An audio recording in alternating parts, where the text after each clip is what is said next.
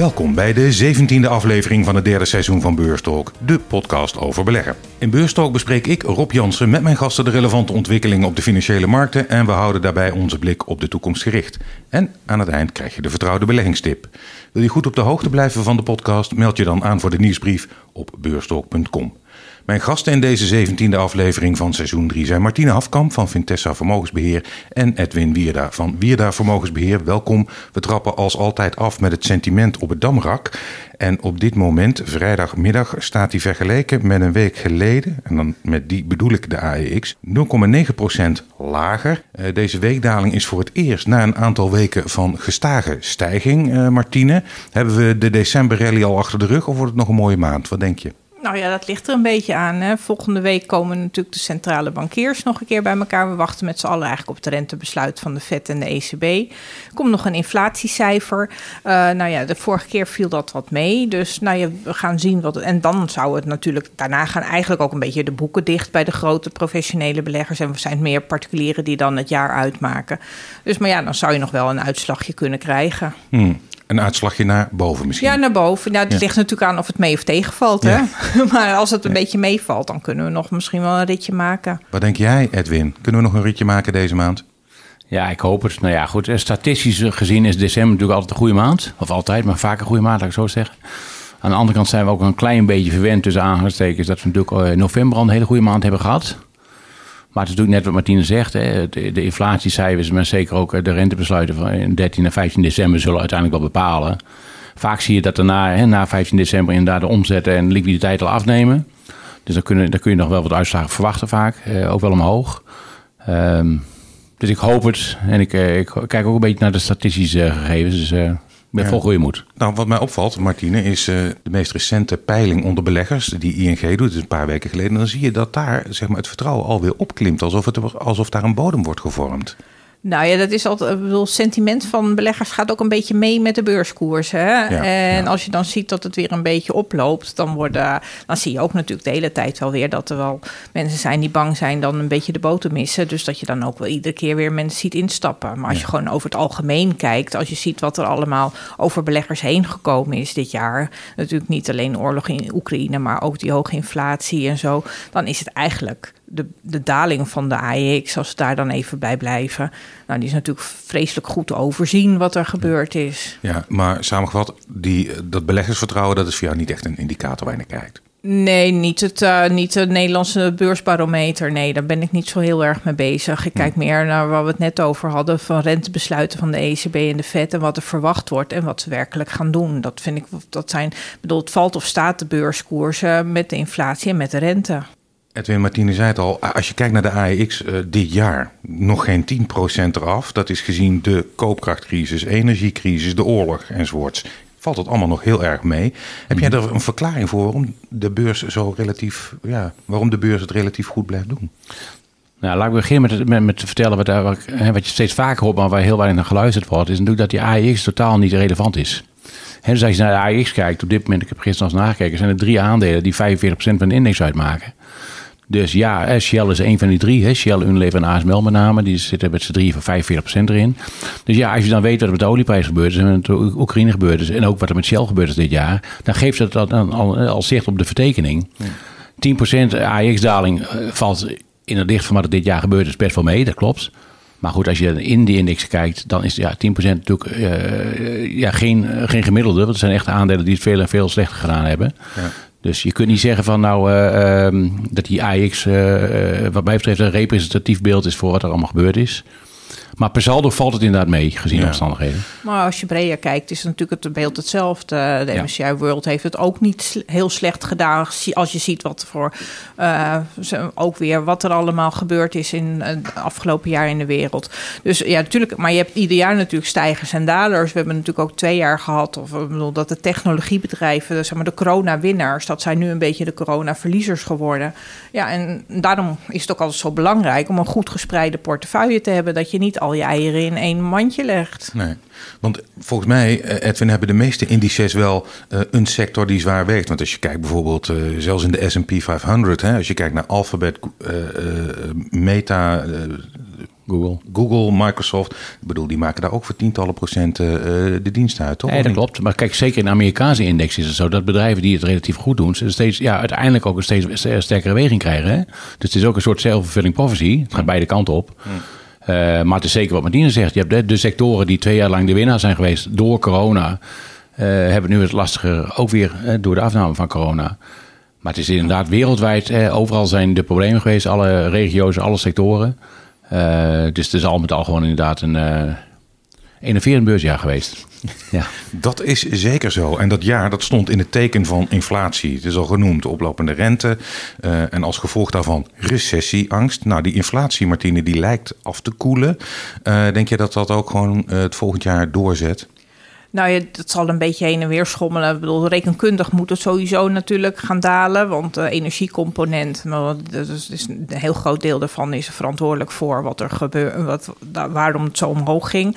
Nou ja, de energieprijzen zijn nog niet zo hard meer gestegen. Dus dat gaat vanzelf, valt dat er een deel van uit. Dat wil niet zeggen dat de inflatie ineens gaat dalen. Ik bedoel, het is meestal, zoals zo mooi heet, het gaat als een raket omhoog, maar het gaat als een veertje naar beneden. Hmm. Dus dat zal nog veel langer duren. Je ziet ook de woningcomponent natuurlijk wel, dat daar wel iets druk van de ketel afgaat. Alleen je kan nu natuurlijk twee, tweede ronde effecten krijgen. Hè? Want je ziet bijvoorbeeld dat de lonen harder stijgen dan de arbeidsproductiviteit. Dus dat drukt dan weer op de marges. Um, dus ja, we zullen, het zal niet ineens zomaar terug zijn naar de 2%. Nee, ja, dat hoor je vaker, Edwin. Dat de inflatie wel zal afkomen, maar dat die op een hoog niveau blijft hangen. Is dat ook jouw verwachting? Ja, daar mag je wel vanuit gaan. Het zijn natuurlijk een paar factoren die we niet in de hand hebben. Hè. Inderdaad, energieprijzen, lonen, eh, eh, componenten zijn belangrijke factoren.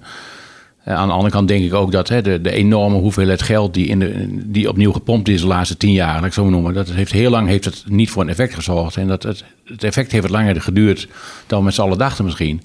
Maar dat zal uh, er ook voor zorgen dat die inflatie structureel, denk ik nu, uh, de eerste jaren boven de 2% blijft. Ja. Ruim boven de 2% blijft. En is dat goed of slecht voor aandelen? Nou, dat hoeft niet slecht te zijn voor aandelen. Als je dan weer even terugkijkt in de tijd, zeg maar, de, de, periode van de grote inflatie. Toen hebben aandelenbeleggers het relatief het best gedaan.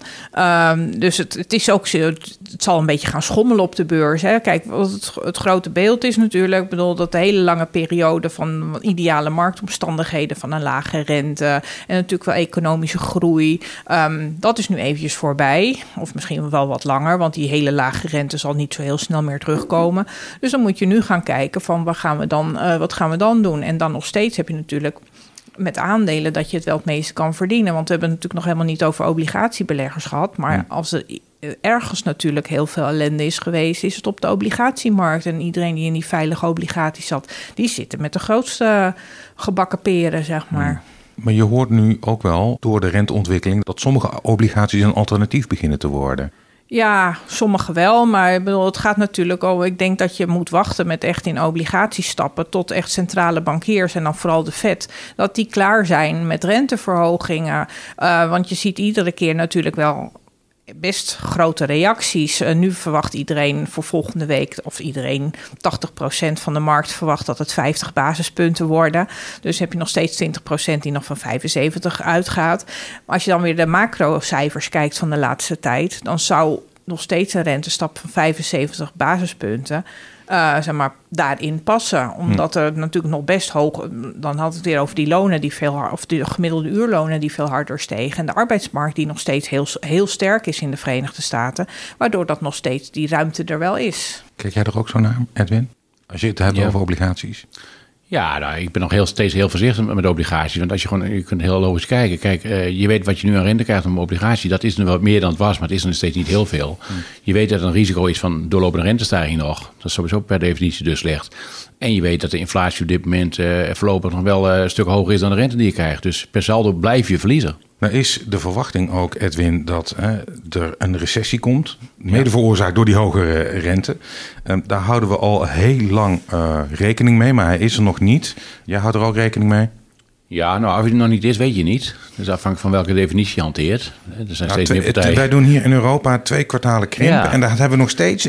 Voor, als je kijkt naar hoe lang die wordt aangekondigd... word ik een beetje ongeduldig. Ja, Dan zeg nou, jij, be careful what you wish for. Dat snap ik. Ik, ik denk zelf dat als we het, uh, de vierde kwartaalcijfers erbij hebben... pakken dat we er wel recessie hebben. Hmm. Maar goed, waar we als beleggers van af moeten, is dat we denken dat recessie slecht is voor aandelenkoersen. Dat hoeft helemaal niet zo te zijn. Sterker nog, hè, op het moment dat die recessie zo meteen komt en die economische groeiafname is minder sterk dan verwacht, of minder sterk dan gevreesd, is eigenlijk tegenwoordig het woord, ja, dan zullen aandelenkoersen juist omhoog gaan. Hmm. En, uh, en een recessie is ook een soort gemiddelde in de economie. Hè? Dus als je, als je heel, het heel, heel klein maakt naar Nederland, dan komt er soms een recessiecijfer naar buiten toe. Maar het verschilt nogal in welke sector je zit. Ja. Ook in Nederland. En dus ook uh, welk aandeel je uiteindelijk hebt. Dus het, kan best zijn dat er uh, een aantal uh, bedrijven of een aantal sectoren of een aantal aandelen uiteindelijk ja, heel erg goed gaan presteren juist in een recessie. Maar je durft nog niet te voorspellen welke dat zijn. Nou, dat zullen, dat zullen die aandelen zijn die het, het hardst afgestraft zijn gestraft, omdat er uh, een enorme afname van economische groei werd verwacht. Hmm. Dus de, de, de, de, de groeiaandelen onder andere, die hebben best wel klappen gehad. Op mensen soms blijkt dat die groei wel wat, wat minder is geworden, maar veel minder sterk gedaald dan verwacht. Zullen die best wel kunnen herstellen. Ja, dan ga je uit van een milde recessie. Ga jij ook uit van een milde recessie als die komt? Ga je überhaupt uit van een recessie? Nou, ik weet, het nog, ja, ik weet het nog niet zo goed. Eh, want we hebben hier, ik heb hier wel eens vaker gezeten. En dan hadden we het over. Uh, toen was ik degene die zei dat er wel een recessie in de Verenigde Staten kwam. Nou, die is er technisch is die geweest. Want er waren twee kwartalen van negatieve uh, groei. maar zo heeft niemand het ervaren. Hm. En dat zie je nu ook. Je hebt natuurlijk overheden die natuurlijk de boel aan alle kanten blijven stutten.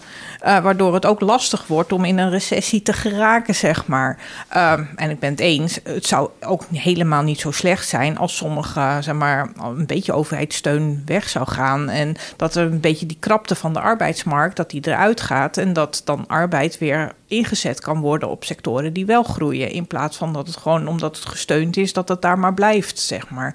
Dus het, zou, het is helemaal niet slecht voor een economie. Of om af en toe een beetje zeg maar, een herschikking te krijgen. Dus in die zin, maar ik verwacht geen zware recessie, omdat iedereen al met alle noodplannen klaar staat en noodverbanden. Ja. Uh, Je hoeft maar te piepen en er gebeurt alweer wat. We zijn met z'n allen alles aan het steunen. Ja, en dan denk ik, misschien komt de klap wel als eh, de ministers van Financiën hun begroting weer op orde gaan maken. Nou ja, kijk, wat je gewoon ziet, de, de geschiedenis herhaalt zich. Hè? Ik, eh, mijn standpunt is dat wij met z'n allen, met name de westerse wereld, de laatste tien jaar het kapitalistische systeem volledig uit balans hebben gebracht. We hebben veel te lang doorgegaan met renteverlagingen. We hebben zelfs de rente negatief gemaakt. We hebben nooit willen accepteren met z'n allen dat, dat af en toe een keer gesaneerd moest worden in de economie.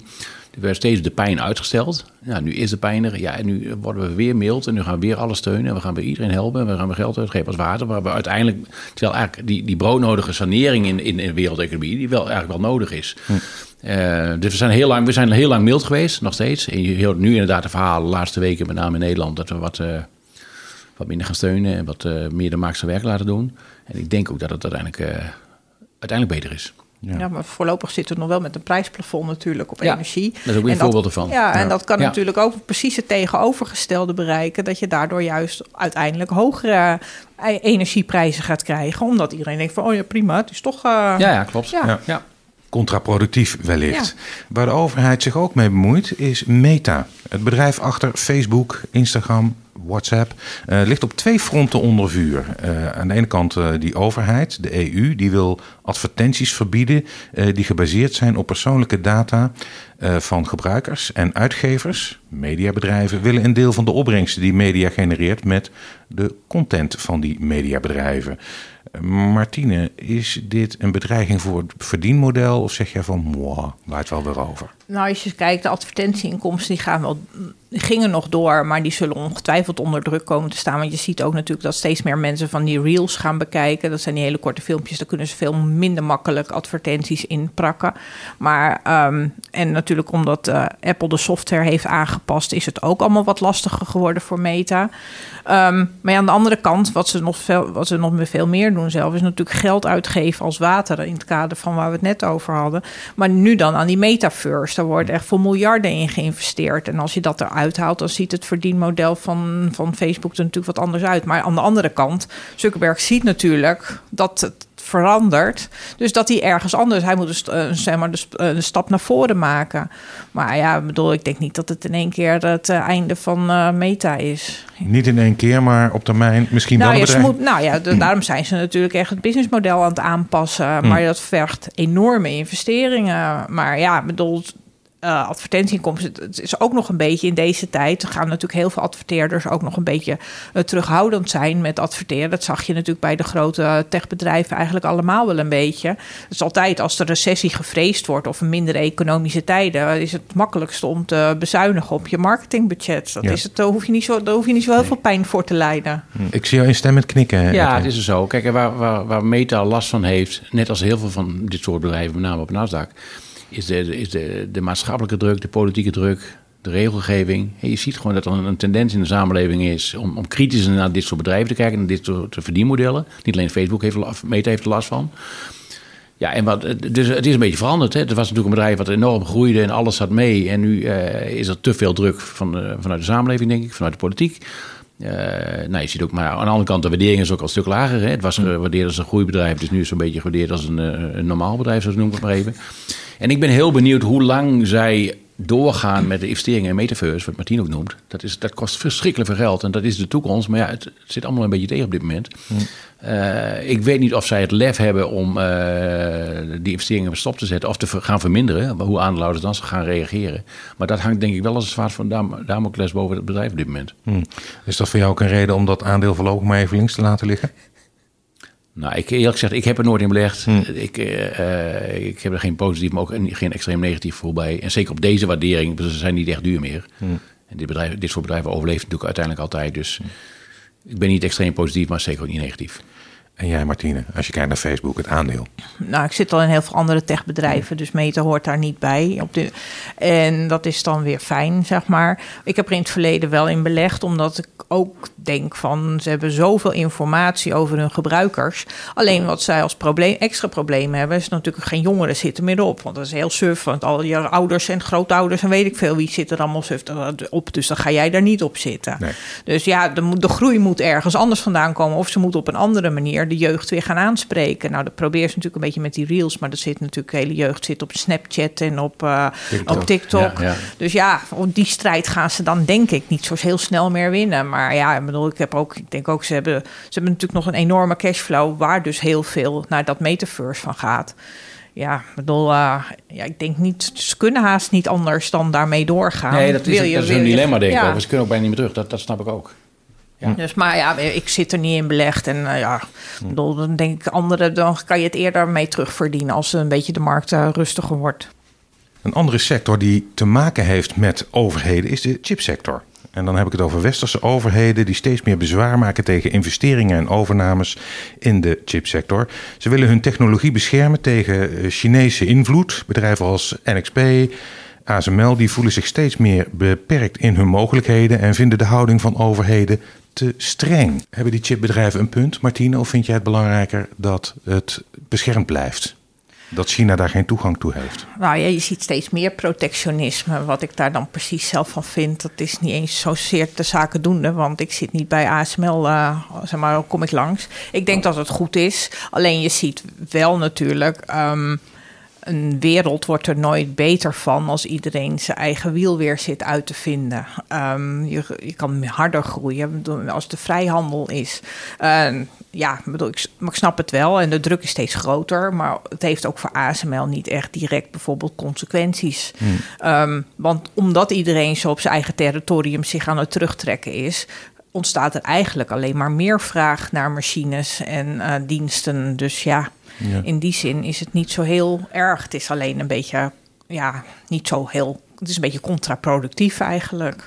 Contraproductief. Uh, wat vind jij belangrijker, Edwin? Dat het niet naar China gaat of dat ze gewoon kunnen doorgroeien?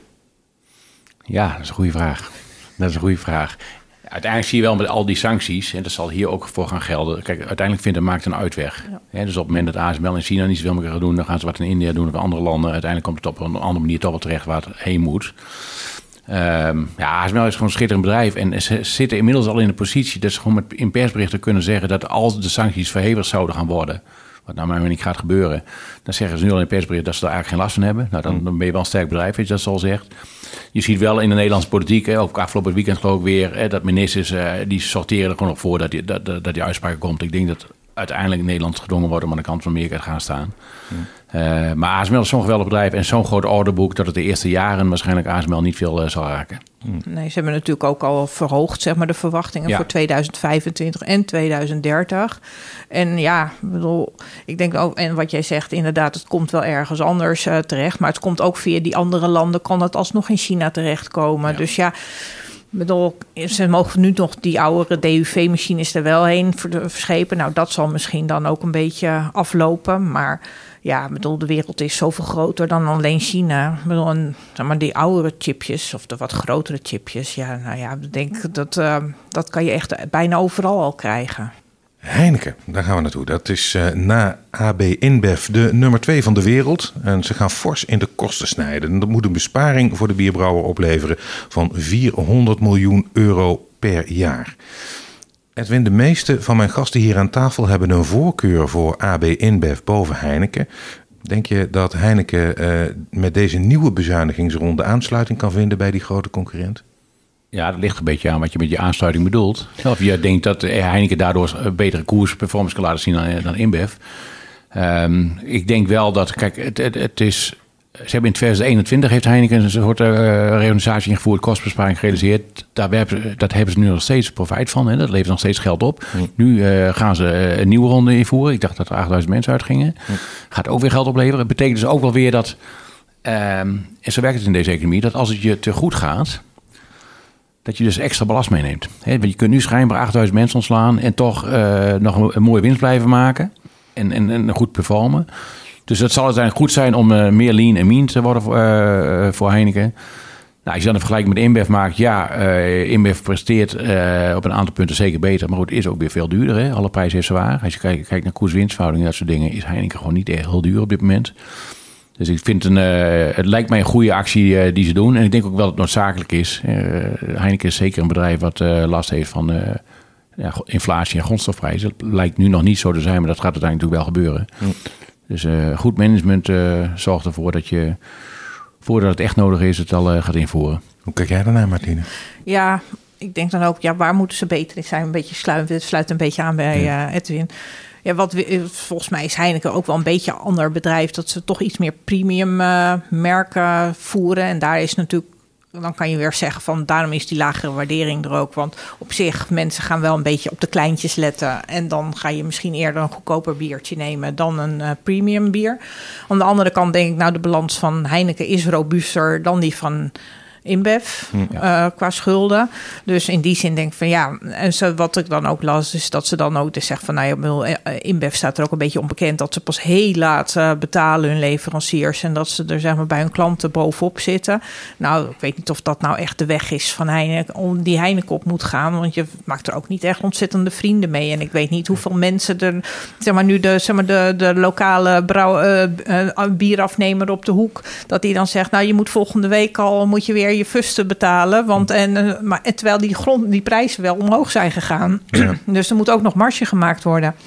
Uh, ja, dus nou ja, ik, ja, ik, volg, bedoel, ik beleg in allebei niet. Nee. Dus ik ben als zo'n uitzondering daarop, denk ik. Want ja. ik zou ook niet zo snel in InBev beleggen, juist door die hoge schulden. Zie jij ook niet in de biersector, of wel? Wij uh, waren belegd in Heineken. Eerlijk gezegd hebben we die nu niet meer. Hebben een paar maanden geleden al, uh, al verkocht. Hm. Maar goed, ik volg Heineken wat intensiever, maar uh, ja, InBev eerlijk gezegd ook minder. Ja, nou dat is voor het eerst dat ik hier eigenlijk twee experts aan tafel heb... die helemaal niet zo negatief zijn nee. uh, over Heineken ten opzichte van AB oh, Nee, helemaal niet. Ik denk juist dat Heineken ook gewoon zijn eigen koers moet blijven vervaren... en dat je daar nou juist ook het onderscheid kan maken ten opzichte van een ander. Flatex de Giro. De Giro is inmiddels een grote broker in Nederland. Het bedrijf is onderdeel van het Duitse Flatex, eh, dat afgelopen week op één dag 37% daalde op de Duitse beurs. Uh, Flatex heeft een omzetwaarschuwing afgegeven en de Duitse toezichthouder BaFin heeft tekortkomingen geconstateerd in de bedrijfsvoering. Wilde overigens niet zeggen wat dat precies uh, inhield. Hmm, is het nog wel verstandig voor beleggers om bij de Giro te beleggen? Vraag ik me dan af als een bedrijf zo in probleem is. Oh, Martine. Ja, oh, Martine. nou, je kan natuurlijk gewoon bij de Giro beleggen. Want aandelen en effect, effecten staan altijd gewoon op je eigen rekening. Dus uh, in die zin is er natuurlijk niet zoveel aan de hand. Dan gaat het er meer om dat ze niet die effecten uitlenen. Ja. Zeg maar, omdat dan de kosten lekker laag zijn voor jou om uh, lekker transacties te doen. Uh, het was natuurlijk wel opmerkelijk dat die winstwaarschuwing in het weekend kwam. Dat is niet echt heel gebruikelijk. ik denk dat Flatex soms wel eens achter zijn oren krapt of ze ze wel hoe ze de due diligence hebben gedaan bij de, toen ze de Giro. nee, precies. Ik denk dat ze daar. Het zal de zo, zoveelste keer volgens mij dat er weer iets naar boven oppopt, zeg maar. En of daar het laatste dan van, van al geweest is, dat weet ik niet. Ja, want uh, het hangt uh, wellicht samen met het onderzoek bijvoorbeeld wat de AFM naar de Giro doet. Natuurlijk, maar dan, eh, dat is dan weer die due diligence ook bijvoorbeeld. Uh, ik, ja, maar toch, ik denk altijd als je nou... De Giro is natuurlijk heel hard gegroeid. En nou, die heeft niet, is niet uitgeblonken in compliance, zeg maar. En uh, daar worden natuurlijk... Uh, maar daar is de Giro niet alleen in. Er worden, dus bij alle banken zitten ze natuurlijk... om dat op orde te krijgen op de manier... met de regelgeving zoals die nu is. Ja. Dus ja, maar daar zijn nog wel slagen te maken, laat ik het zo zeggen. slagen te maken, maar verder geen paniek. Nou ja, ik weet niet. Ik bedoel, niet als je belegger bent. Uh, maar als je het niet vertrouwt, dan moet je ergens anders heen gaan. Hm. Ik denk dat als je, als je aandeelhouder bent dan, van Flatex, dan ben je niet zo blij natuurlijk. Nee. Nou, laten we dan even kijken naar dat aandeel Flatex. Dat is natuurlijk uh, fors afgekomen. Is dat iets waar jij in zou beleggen, Edwin? Nee, absoluut niet. Nee? Nee. Ik zou laat ik bij de inleiding beginnen. Mijn vraag aan jou zou zijn: van, weer mijn uh, politiek correcte mening of mijn eerlijke mening over je eerlijke mening. Ja, je mag ja, dat dacht ik altijd dat je dat wil horen. Ik heb uh, de Giro heb ik een aantal jaar gevolgd toen ze hier in Nederland nog uh, actief waren. Met name als concurrent van Bink. En ze hebben toen Bink natuurlijk uiteindelijk helemaal gesloopt. Nou, iedereen in het vak wist dat het, wat er toen bij de Giro gebeurde. Dat klopte van geen kant. De Nederlandse bank is er ook heel erg mee bezig geweest, jarenlang al, om het op orde te krijgen. Het is nooit gelukt. Dat chasseer ik maar uiteindelijk heeft de Rio gezegd... nou weet je wat, we gaan naar Duitsland toe. Laten ons loven nemen, zijn van de AWM af. Nou, toen is de, de BAVIN ermee aan de slag gegaan. Uh, ik vond het destijds, toen ze in Nederland zaten, al houtje touwtje werk. Mm. Het echt gepruts en echt, dingen die gewoon niet klopten. Mm. Had met een bedrijfscultuur te maken, met een manier hoe ze groeiden. Ik denk dat ze dat uh, toen ze van de AVM af waren in Duitsland door uh, zijn gaan doen. Onder de vlag van Flatex dan. Ja, en als jij gewoon als. Kijk, de essentie met dit soort bedrijven is dat alles moet goedkoop en alles moet erop groeien en elk dubbeltje moet omgedraaid worden. En ze willen absoluut goedkoopste zijn. En dan moet er uiteindelijk ergens op bezuinigd worden. En dat kan op, op service zijn, of dat kan op compliance zijn, of op, op andere dingen. En dan krijg je uiteindelijk dit soort dingen. Hmm. Dus ik ben er geen voorstander van en ik, ik zou er ook zeker niet in beleggen. Ja. Moraal van het verhaal. Ja. Mooi. Ja, inderdaad. Hè. Ja. Dat... Nou, kijk, op zich was er wel een, eh, zou je er een verhaal van kunnen maken, omdat het natuurlijk het is een volume. Als je als aandeelhouder, hè, hmm. zou als je dus gewoon eventjes gewoon snel hmm. naar kijkt, want het is natuurlijk een volumebedrijf. Nou, iedereen was lekker aan het beleggen en het groeide eigenlijk tegen de klippen op. Alleen dan toen kwam 2022 en dan gaan de koersen naar beneden. En dan blijken heel veel particuliere beleggers ineens helemaal niet zo graag te willen beleggen en te handelen. Dus dan stort het ook nog aan die kant in, zeg maar. Ja, en dan gaat het ineens. En als je dan dat soort nieuwtjes erbij krijgt, ja, dat draagt niet bij aan een positief sentiment rond het aandeel. Nee, klopt. Het, het, het, het valt allemaal samen. Hè? Dus je hebt, je hebt bij dit soort bedrijven met uh, lage marges heb je enorm volume nodig. Ja. En niet al te veel kosten qua ja, regelgeving en beheersing. En als dan het volume snel afneemt en je krijgt problemen met je, met je, eh, met, je regelgeving, beheersing. En uiteindelijk zullen die kosten juist omhoog gaan. Ja, dan, en het imago gaat een beetje een rol spelen. Dan komt alles tegelijk. We gaan naar Exor. Want Just Eat Takeaway gaat de AEX verlaten en moet plaatsmaken voor Exor. Dat is de investeringsmaatschappij van de familie Agnelli, de oprichters van het Fiat-concern. Het bedrijf heeft ook, heb ik gezien, heel veel belangen in met name de automotive-industrie, die autofabrikanten. Vind je het een interessant aandeel, Martine? Ik uh, beleg er niet in, maar ik beleg in Volkswagen. Dus in die zin doe ik wel iets met, uh, met autofabrikanten, als je het zo bekijkt. Uh, dan kan je vervolgens denken van ja, jammer dat Just die TKW eruit gaat. Nou, die zat er pas sinds 2020 in, dus die hebben er niet heel lang plezier van gehad. Maar ja, dat is een beetje hoe het werkt. Hè. Bij, uh, bij ons gaat het gewoon natuurlijk op basis van en verhandelbaarheid en natuurlijk hoeveel erin gehandeld wordt. Nou ja, en ja, dan krijgen we. Maar op zich is een holdingmaatschappij is niet echt heel vervelend en zo. Uh, als je het dan toch weer even op de micro-economie van de AIX bekijkt, zeg maar, er zit natuurlijk ook heel veel niet-Nederlands in. Dus het is het zoveelste niet-Nederlandse bedrijf wat in de AIX opgenomen wordt. Zo moet je het een beetje zien. Ja, maar jij wordt er niet uh, bijzonder Oh, nou, nou, het ligt er een beetje aan wat je wil. Zeg maar, wat voordeel is van een houtse maatschappij, dat, er van, dat ze er meestal wel heel erg kort op de bal zitten. Ehm, dat je dus als particuliere belegger mee kan doen, uh, zeg maar, of mee kan profiteren van de kennis die daarin zit. En uh, dat het vaak een discount is. Dat is waarvan ze proberen die er een beetje uit te halen. Maar aan de andere kant, als je particuliere belegger, moet je gewoon meegaan in de flow, zeg maar. Want je hebt er verder ook geen enkele invloed op. Ja. Maar je zit ook in niet beursgenoteerde dingen. En als je dat leuk vindt, dan is dat natuurlijk. Uh, en je gelooft in die sector. Ja, nou, dan, dan is het een, zou het een leuk beleggingsvehikel kunnen zijn. Zo moet je het een beetje zien. Ja, een aanvulling op bijvoorbeeld een bedrijf als Hal. Ik weet dat inderdaad uh, nogal wat luisteraars wel geïnteresseerd zijn in die holdingmaatschappijen. Wat vind jij mhm. van Exor, Edwin? Ja, nou, het is wat Martina zegt. Hè. Je, je belegt uh, vaak in holdingen. Hè. Dus, of in bepaalde belangen hebben ze. En uh, als je dat dan gaat uitrekenen, dan is de beurskoers... Een, heeft, geeft dan een enorme korting ten opzichte van de werkelijke waarde. Maar ja, we moeten ook uitkijken als belegger. Er zijn natuurlijk heel veel voorbeelden van dit, dit soort bedrijven. Proces is ook een heel mooi voorbeeld. En het lijkt heel makkelijk. Hè? Dat heb ik ook wel eens gedacht. Van ja, er zit een enorme onderwaardering in. En die onderwaardering gaat er vroeg of laat wel uit. Maar het is wel gebleken dat die onderwaardering er uiteindelijk altijd in blijft. Met dit soort bedrijven. Hè? Er is weinig verhandelbaarheid. Er wordt stemrecht nadelen op in, inderdaad. Dus het is een illusie om te denken van nou ja, de koers is zoveel procent ondergewaardeerd ten opzichte van de werkelijke waarde, intrinsieke waarde. Dus dat kan ik eh, verdienen. Die onderwaardering blijft altijd. Dat is niet voor niks. Um, ja, het zijn wel beleggingen die wat verder weg staan. Voor de gemiddelde Nederlandse belegger denk ik. Uh, ja, weinig stemrecht of eigenlijk helemaal niet. Dus het is geen hoofdbelegging voor mij. Ik, ik beleg er op dit moment ook niet in. Het belegt vooral eh, inderdaad in de auto-industrie en ook landbouwmachines, zag ik. Voetbalclub. Uh, ja, voetbalclub. Ja. Uh, volgens mij zijn ze van, eigenaar van The Economist. Ja, klopt um, ook, ja. ja. Maar de zware weging, zag ik, is vooral auto-industrie. Martine zegt, ik zit al in Volkswagen. Is de auto-industrie iets wat jij ook wel een interessante sector vindt? Wij zitten ook in Volkswagen. Ah, kijk ja. wat gezellig. Ja, en dat is ook het enige auto-aandeel waar we in zitten. Dus daar zitten we in. En dan zitten we ook op te wachten tot er wat onderwaardering uitkomt. Want die hebben natuurlijk een belang in Porsche. Of, dat, dat is ook nog niet helemaal uitgewerkt. Ja. Maar goed, uh, daar zitten wij in, ja. Ah, oké. Okay. Nou, um, je kan natuurlijk ook, Warren Buffett is natuurlijk ook een uh, Berkshire Hathaway is ook ja. een houtse maatschappij, ja. dan maar ja. in die zin. Dus dat is meer gewoon dat dit soort aandelen moet je eigenlijk wat meer voor de langere termijn zien, want zo zitten die familie, het zijn een beetje familiehoutse bedrijven, van het Hal natuurlijk helemaal ook. Uh, je moet dat echt voor de langere termijn zien. Dan moet je geen spectaculaire dingen van verwachten. Dat geloof ik niet. Ja, we zijn bijna aan het eind van het jaar. 2023 voor de deur. Uh, veel banken en vermogensbeheerders die geven hun outlook voor het komend jaar. Edwin, jij mag een aftrap doen. Wat zijn voor jou de belangrijkste ontwikkelingen waar je rekening mee houdt? Welke sectoren staan bij jou in het bijzonder op de radar? Ja, nou goed, in algemene zin kun je zeggen dat we in 2022 de beleggers wat wakker zijn geschud. Dat dat er ook risico is in deze wereld. En als je heel theoretisch naar aandelen gaat kijken, hè, dat, is, dat is mijn credo een beetje dat ik vaak kijk naar, nou, een aandeelkoers is in principe de constante waarde van toekomstige winsten. Er zijn een paar variabelen in die formule.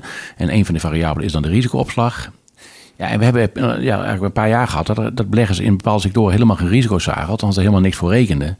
En dat is nu wel wat gewijzigd. Dus ik denk dat volgend jaar, en dat zie je nu ook een beetje, maar ook dat volgend jaar dat beleggers wat meer gaan rekenen. Uh, wat meer rekening houden met dat, er wel risico is in deze wereld. En dat zul je terug in waardering. Dat we structureel wat rekening houden met wat hogere rentes. Dus dat is heel, heel theoretisch allemaal. Maar dat zal er wel voor zorgen dat beleggers wat, misschien wat voorzichtiger worden. Uh, en dat met name als je kijkt naar uh, aandelen die nu nog verliesgevend zijn, of bedrijven die er zijn, die later winsten gaan moeten gaan maken. Hè. Denk aan, aan, waterstof en, en, en misschien een metaverse en allemaal dat soort dingen. Uh, dat die aandelen die de klap hebben gehad wel zullen herstellen, maar niet meer in die mate uh, wat het geweest is. Mm. Met name door die risicoopslagen en rentes mm. en afname economische groei. Dus het zal weer iets uh, normaler worden in mijn beleving. misschien dat de, de financiële sector wat, wat gaat profiteren. Dat zie je nu al een klein beetje gebeuren, hè, ook weer door rentestijgingen. Ja, en veel zal afhangen, denk ik, wat er met de energieprijzen en met de Oekraïne gaat gebeuren. Jouw outlook? Martine, zeg ja, maar. in een notendop. Ja. Nou, nou ja, maar je mag de tijd nemen. Nou, nou, dat hoeft niet hoor. Maar um, het is waar we eigenlijk wel een beetje aan het begin ook uh, waar we het over hadden, is dat er gewoon, kijk, zolang centrale banken nog niet klaar zijn met zeg maar, de renteverhogingen, zal het allemaal een beetje uh, ja, zijwaarts meer bewegen, denk ik. Ik denk wel dat er een beetje normalisatie zal ontstaan als dat een beetje duidelijk wordt. En ik denk ook dat er veel bedrijven, als je bedoel, er gaat heel veel geld naar duurzaamheid. Daar hebben we het nog helemaal niet over gehad. Maar uh, daar gaat, bedoel, in het kader van waar allemaal heel veel geld heen gaat. Maar hm. eigenlijk hebben die aandelen het ook niet zo heel goed gedaan. Maar dat kan op zich natuurlijk, dat zijn nou wel sectoren waarvan je denkt van, nou, dat kan, uh, daar, daar kan er gaat zoveel geld heen, daar moet wel iets uitkomen. Uh, dan heb je verder natuurlijk nog, ik denk dat technologie zich wel wat kan herstellen als er weer een beetje normalisatie optreedt. Um, want dan weten gewoon de rente waar je mee je moet rekenen, waarmee je die winsten uh, contant moet maken. Want je ziet nu wel echt dat beleggers vooral een voorkeur hebben voor winsten die nu gemaakt worden en iets minder voor toekom, uh, kijken naar toekomstige winsten. Ik denk dat dat wel weer een beetje terugkomt. Maar ik verwacht geen, uh, niet het begin van een nieuwe langjarige rally, zeg maar. Ik denk meer dat we gewoon eens weer met normalere rendementen. Wat, ja, wat is normaal? Maar we zijn een beetje verwend de afgelopen jaren. Uh, met normalere rentepercentage of rendementspercentages, dat je daar uh, op moet gaan rekenen. En dan nog wat jij ook zei, Edwin, daar straks van. Obligaties zijn nog niet echt een alternatief met die nee. hoge inflatie. Dus je moet het wel zoeken in aandelen. En dan vooral bedrijven met natuurlijk die zoveel mogelijk die hogere kosten kunnen doorberekenen. En je ziet natuurlijk ook aanvoerketens, die zijn wel redelijk genormaliseerd. Dus de prijzen voor vervoer over zee, die zijn weer enorm gedaald. Dus er kan in die kant, aan de aanvoer, in de inputkant, is er ook wel een percentage kosten wat lager is geworden. Dus, ja, dus dan, kun, dan kan heel veel gewoon doorgaan. En, maar beleggers hebben een beetje... Ja, maar je moet altijd een beetje weer wennen aan veranderende marktomstandigheden. Nou ja, en dan... Zeg maar, het is net als uh, huizenprijzen als die gaan dalen. Als je dan verkoper bent, dan ga je toch nog eerst even proberen... die hogere prijs die je in gedachten had, uh, toch te realiseren. Ja. Nou, en je moet uh, ja, je verwachtingspatroon een beetje bijstellen. Ja. ja. Nou, en, en misschien nog een kleine aanvulling. Ik denk dat ook een hele bepalende factor voor 2023 het verhaal van China gaat worden. Hm. Wat ga, hoe gaat het? Wat, eh, feitelijk is het nu zo dat die economie gewoon stil ligt. Er gebeurt er relatief weinig.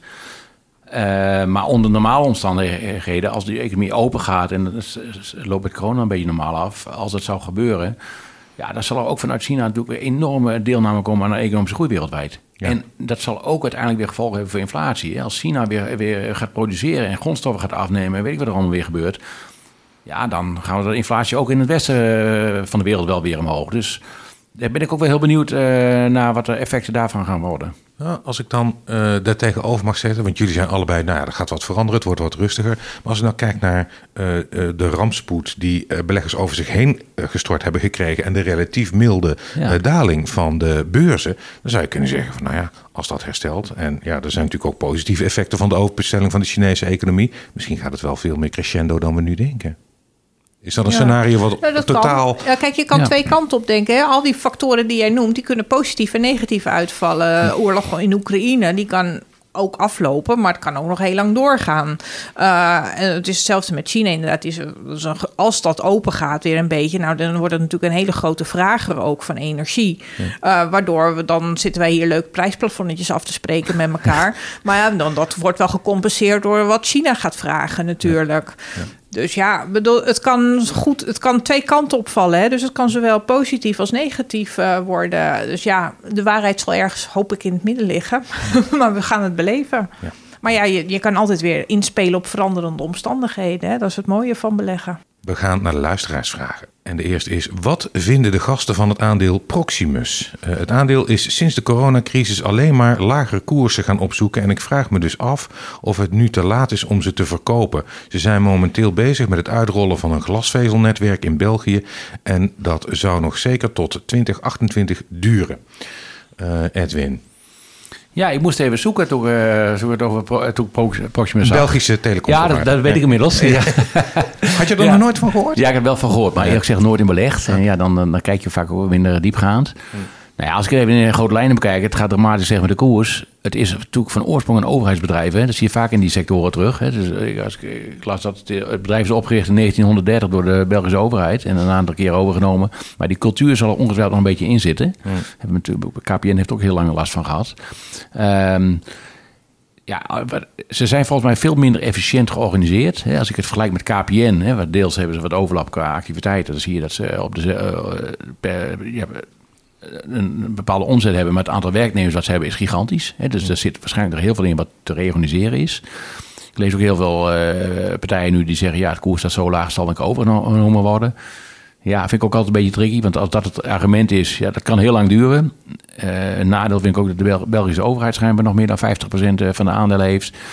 Uh, zal ook politiek gezien zal er nog wel wat, wat invloeden zijn bij Proximus. Mm. Dus ja, je moet hopen op een overname. Maar ja, hopen is, is vaak uitgestelde teleurstelling, wordt vaak gezegd. Dus het kan nog een paar jaar duren. Um, ja, de, de luisteraar uh, vroeg, begreep ik van jou, moet ik nu nog verkopen, wel of niet? Ja, dat is een hele lastige. Ja. De koers staat op het dieptepunt van alle dieptepunten volgens mij nu. Ja. Uh, ik ben blij dat ik die keuze niet hoef te maken. en jij Martine? Nou, als je denkt dat je het ergens anders eerder mee kan terugverdienen, moet je het doen ja. zeg ik dan. Uh, Proximus is natuurlijk, ja, bedoel, de kost gaat voor de baat uit. Hè. We zijn nu met dat glasvezel bezig. Dus wat een, KPN heeft net zo stil gelegen eigenlijk een aantal jaar. Alleen die is wat eerder begonnen met dat allemaal. Ja, ja. klopt. En uh, het dividend, uh, dat, is dan, dat wordt een puntje van aandacht, zeg maar. Want dat is nu nog heel leuk aantrekkelijk. Maar ik heb dan, ik heb ook gelezen, want ik volg het ook niet op de, op de voet, zeg maar. Maar dat er wel angst is in de markt dat het een dividend verlaagd kan worden. En dan zit je ineens tegen een heel ander aandeel aan te kijken. En ik denk ook als het in deze markt ook zeg maar niet hersteld is vanaf oktober, wat toch andere telecommers wel gedaan hebben, dan is er toch wel iets meer dan helemaal niks aan de hand. Ja. Dus, en verder, uh, dus dat zou, ik zou denken, als je het ergens anders, dat is eigenlijk de moraal van het verhaal, als je ergens anders denkt dat je het eerder kan terugverdienen, dan, uh, dan kan je nog steeds, dan is het nooit te laag, ja. een koers. Eh, vraag 2 gaat over SaaS en dat staat voor Software as a Service. De manier waarop ik SaaS-bedrijven waardeer, zegt de luisteraar, is dat ik kijk naar wat hun winst zou zijn als ze niks uit zouden geven aan sales en marketing. Bij bedrijven als Adobe en Salesforce denk ik namelijk dat ze zonder sales en marketing niet per se een dalende winst zullen hebben, gezien hun huidige klanten hun abonnement niet op zullen zeggen. Zo kom ik bij Adobe uit op een koers-winstverhouding van 16 en bij Salesforce van rond de 12. Gezien ze hun sales en marketing echter wel inzetten om nog verder te groeien, vind ik dit erg aantrekkelijke waarderingen. Hoe kijken de experts aan tegen deze manier van waarderen? Edwin. Ja, inventief gevonden. ik zat aan mijn eigen bedrijf te denken. Als ik dan helemaal geen marketingkosten zou hebben en helemaal geen verkoopkosten, wat zou ik dan winst maken? Dat zou heel mooi zijn. Dus ja, deze lezer die heeft, het, eh, heeft een eigen interpretatie van hoe je, hoe dit zou kunnen waarderen. Nou, dat is inventief. Maar de feiten zijn natuurlijk dat ze wel uh, marketingkosten hebben en gigantisch veel. En ook verkoopkosten. Omdat de, dat de manier is om te kunnen blijven groeien. Hè. Ook zonder uh, marketing gaan er ook mensen dood. zonder marketing stoppen mensen ook met, met abonnementen. Dus je moet iets doen. Ehm, ja, en hij komt op een, uh, op een koers-winstverhouding die uh, aanmerkelijk lager is dan de werkelijke koers-winstverhouding. Ja. Dat is ook logisch natuurlijk, om, als je op deze manier gaat rekenen. Maar ja, goed, dat zijn niet de feiten. Uh, je had jezelf een beetje voor de gek. Ja, uiteindelijk wel. Dat lijkt me nogal logisch. En hm. kijk, je moet ook bij dit soort bedrijven niet vergeten dat... Ehm, los van bedrijfsomstandigheden zijn dit soort bedrijven ook enorm afhankelijk van economische groei. Dus als de macro-economie slechter wordt en door inflatie, rente en wat er allemaal aan de hand is, en uh, de economie groeien gewoon minder gaat, en dat, daar begint nu gewoon op te lijken, dan kunnen deze bedrijven nog zo goed hun, eh, hun bedrijven voor elkaar hebben, maar dan hebben ze wel last van. Ja. Meer dan gemiddeld. Ja. Dus ja, um, maar de manier om de, de, de, de koerswinstverhouding te berekenen is een, eh, is een interessante. Maar uh, ik denk niet dat ze werkt in deze wereld. dat denk jij ook, neem ik aan. Nou ja, ja, ik vind het apart om uh, bepaalde kosten niet mee te nemen, zeg maar, die er wel zijn. Ja. Dus, en het klopt wel, ik bedoel, op zich dat, binnen, zeg maar, dat abonnementsmodel, dat is natuurlijk zo voor een heel groot deel. Uh, Adobe dat heeft ook aardig zeg maar, de klad erin gekregen in de koers. Maar ik, ja, ik daar beleg ik zelf wel in, omdat ik er gewoon wel in geloof in dat businessmodel, zeg mm. maar. Maar ja, bedoel, het is ook weer wat Edwin zegt, ja, adverteren is begeren. Hè? Ik bedoel, je moet op de een of andere manier aan nieuwe klanten komen, want ze willen wel blijven groeien. Want het is niet zo dat bestaande klanten steeds meer producten af kunnen nemen. Mm. Dus je moet ergens de groei vandaan halen. Dus dat is ook wel leuk dat je daar dan in investeert, lijkt mij. Al als je dan zo op zo'n manier naar een aandeel kijkt, dan is het, want die toekomstige winsten, daar gaat het nog meer om dan wat er nu gebeurt. Vraag 3. Ik tik momenteel de 40 aan uh, en beleg voor mijn pensioen via de Giro. Ik beleg in individuele aandelen, index-ETF's, ETF's in specifieke segmenten en bedrijfsobligaties. Spreiden is het devies voor een uh, stabiele groei. En we namen tot voor kort aan dat bedrijven die van volatiliteit in de markt profiteren, zoals flow traders en de waardevaste commodities, zoals goud en misschien de goudmijnen, helpen bij de onrust in de markt. Echter blijkt dit jaar dat aandelen dalen, maar ook obligaties, ook de volatiliteit en ook de commodities die waardevast zouden zijn. De Giro staat het niet toe vanuit pensioenrekeningen producten zoals put-opties uh, te gebruiken. En shortgaan is ook niet mogelijk. Zien jouw experts mogelijkheden om een extra mogelijkheid in te bouwen die beschermt of wellicht juist profiteert van een dalende markt of bedrijfstak? Edwin. Ja, Nou ja, kijk, als je 40 jaar bent en je, je belegt voor je pensioen, dan heb je op zich nog een redelijke looptijd, redelijk te gaan. Nou, je weet niet wanneer die met pensioen wil, hè? Nee, dat weet je misschien wel eens snel, dat zou kunnen. Ehm, maar ja, goed, uiteindelijk, als je vanuit gaat dat beurzen structureel stijgen, en dat is wat uitgebeurd voor elke belegger, uh, dan weet je al, zou de Giro die mogelijkheden bieden, als je uh, doorlopend uh, verzekerd wil zijn door middel van put-opties, dat kost best wel veel rendement. Hm. Ik vind niet dat je in je pensioenportefeuille short moet kunnen gaan. Dus ik denk dat het goed is dat de Giro dat ook niet laat gebeuren. Hè, want dan ja, neem je veel meer risico dan, je, dan deze man zeer waarschijnlijk zelf denkt, schat ik in. Dus uiteindelijk moet de lange termijn, de langere termijn moet zijn werk doen. En dan moet je juist geen poets kopen en juist niet short gaan. Dan moet je zorgen voor de spreiding door verschillende sectoren, verschillende landen, verschillende valuta nodig. Er zijn allemaal verschillende manieren voor. En dan moet je dat risico maar nemen.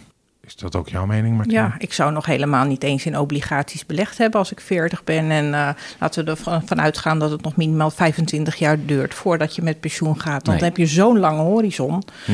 Dus dan, uh, en ik zou gewoon die waan van de dag laten voor de waan van de dag. Al is het nu dan misschien de waan van het jaar. Uh, en gewoon rustig doorgaan met in aandelen beleggen. Ja. Bedoel, en, en als je dat helemaal niet durft, en dan zou binnen de mogelijkheden die de Giro biedt, nou, dan moet je een beetje cash gaan staan. Maar ja, bedoel, ik denk dat je daar ook niet heel gelukkig van wordt. Nou, misschien heb je een tip voor deze luisteraar om in een individueel aandeel te beleggen. Want we zijn bij de tips aangekomen. Ja, nou, ik heb een heel saai aandeel. Misschien heb ik hem zelfs al wel eens eerder gezegd. Uh, in het kader van abonnementsmodellen. Wolters Kluwer, uh, dat vinden heel veel mensen ook altijd al wel duur, zeg maar. En dat is price for perfection, zie ik dan. Maar als je gewoon kijkt, dat als ergens een abonnementsmodel echt ten volle is uitgerold, is het wel bij Wolters Kluwer. Daarnaast doen ze, hebben ze geen last van grondstofkosten, want het gaat allemaal digitaal, gaat nog iets van 4% worden geprint. Uh, en natuurlijk, ze zitten in sectoren waar je wel echt gewoon uh, up-to-date moet blijven. Of je nou, uh, als je nou jurist bent of accountant of zeg maar artsen, medici. Dus uh, ze zitten in de goede sectoren en gewoon en het delen van informatie is gewoon heel belangrijk. Dus ja, en dan saai en gewoon rustig aan, dan breekt het lijntje niet. Is echt zo'n aandeel wat heel vaak uh, waar overheen gekeken wordt. Maar uh, wij zitten dan een poosje in belegd in Wolfskleur. Wat is jouw tip voor de luisteraar, Edwin? Ja, mijn, mijn tip is de ING. Aha. Dat is een, een, beetje saai misschien, maar goed, het, het bedrijf profiteert van een stijgende rente. Dat is, dat is zeker een feit. Uh, ik denk dat zij nu ook langzamerhand gaan profiteren van het feit dat de, de absurde regelgeving een beetje op zijn laatste, uh, laatste been loopt. En in ligt de, de, uitspraak die laatst gedaan is, hè, waarbij de Nederlandse bank in het ongelijk werd gesteld, uh, werkt denk ik ook wel mee. Maar ik heb het gevoel dat de regelgeving iets minder absurd begint te worden. Dus de kosten voor dit soort instanties ook wat, of niet meer gaan stijgen voorlopig. Ehm, nou, ze hebben uh, kort geleden aangekondigd dat ze voor anderhalf miljard eigen aandelen gaan inkopen. Dat zal de koers zeker steunen. Um, goed management. Een bedrijf wat in de financiële sector volgens mij een van de meeste bedrijven, uh, een van de beste bedrijven is als het gaat om zaken als lean en mean en dat soort dingen. Ze zijn heel goed georganiseerd. Um, ja, in deze omgeving zou ik daar wel in durven te beleggen. En wij zijn op dit moment inmiddels ook belegd in dit aandeel. Hartelijk dank, Edwin Wierda van Wierda Vermogensbeheer en Martine Hafkamp van Vintessa Vermogensbeheer. Dit was de zeventiende aflevering van het derde seizoen van Beurstalk. Als je wil reageren op de podcast of een beleggersvraag hebt voor mijn gasten, mail dan naar rob.beurstalk.com. Voor de nieuwsbrief kun je aanmelden ook op de site beurstalk.com. Dank voor het luisteren. Deze podcast verwoordt de inzichten van mijn gasten, niet die van presentator Rob Jansen. Het is geen beleggingsadvies, verdiep u in de risico's van beleggen voordat u eraan begint. De waarde van uw beleggingen kan fluctueren. In het verleden behaalde resultaten bieden geen garantie voor de toekomst.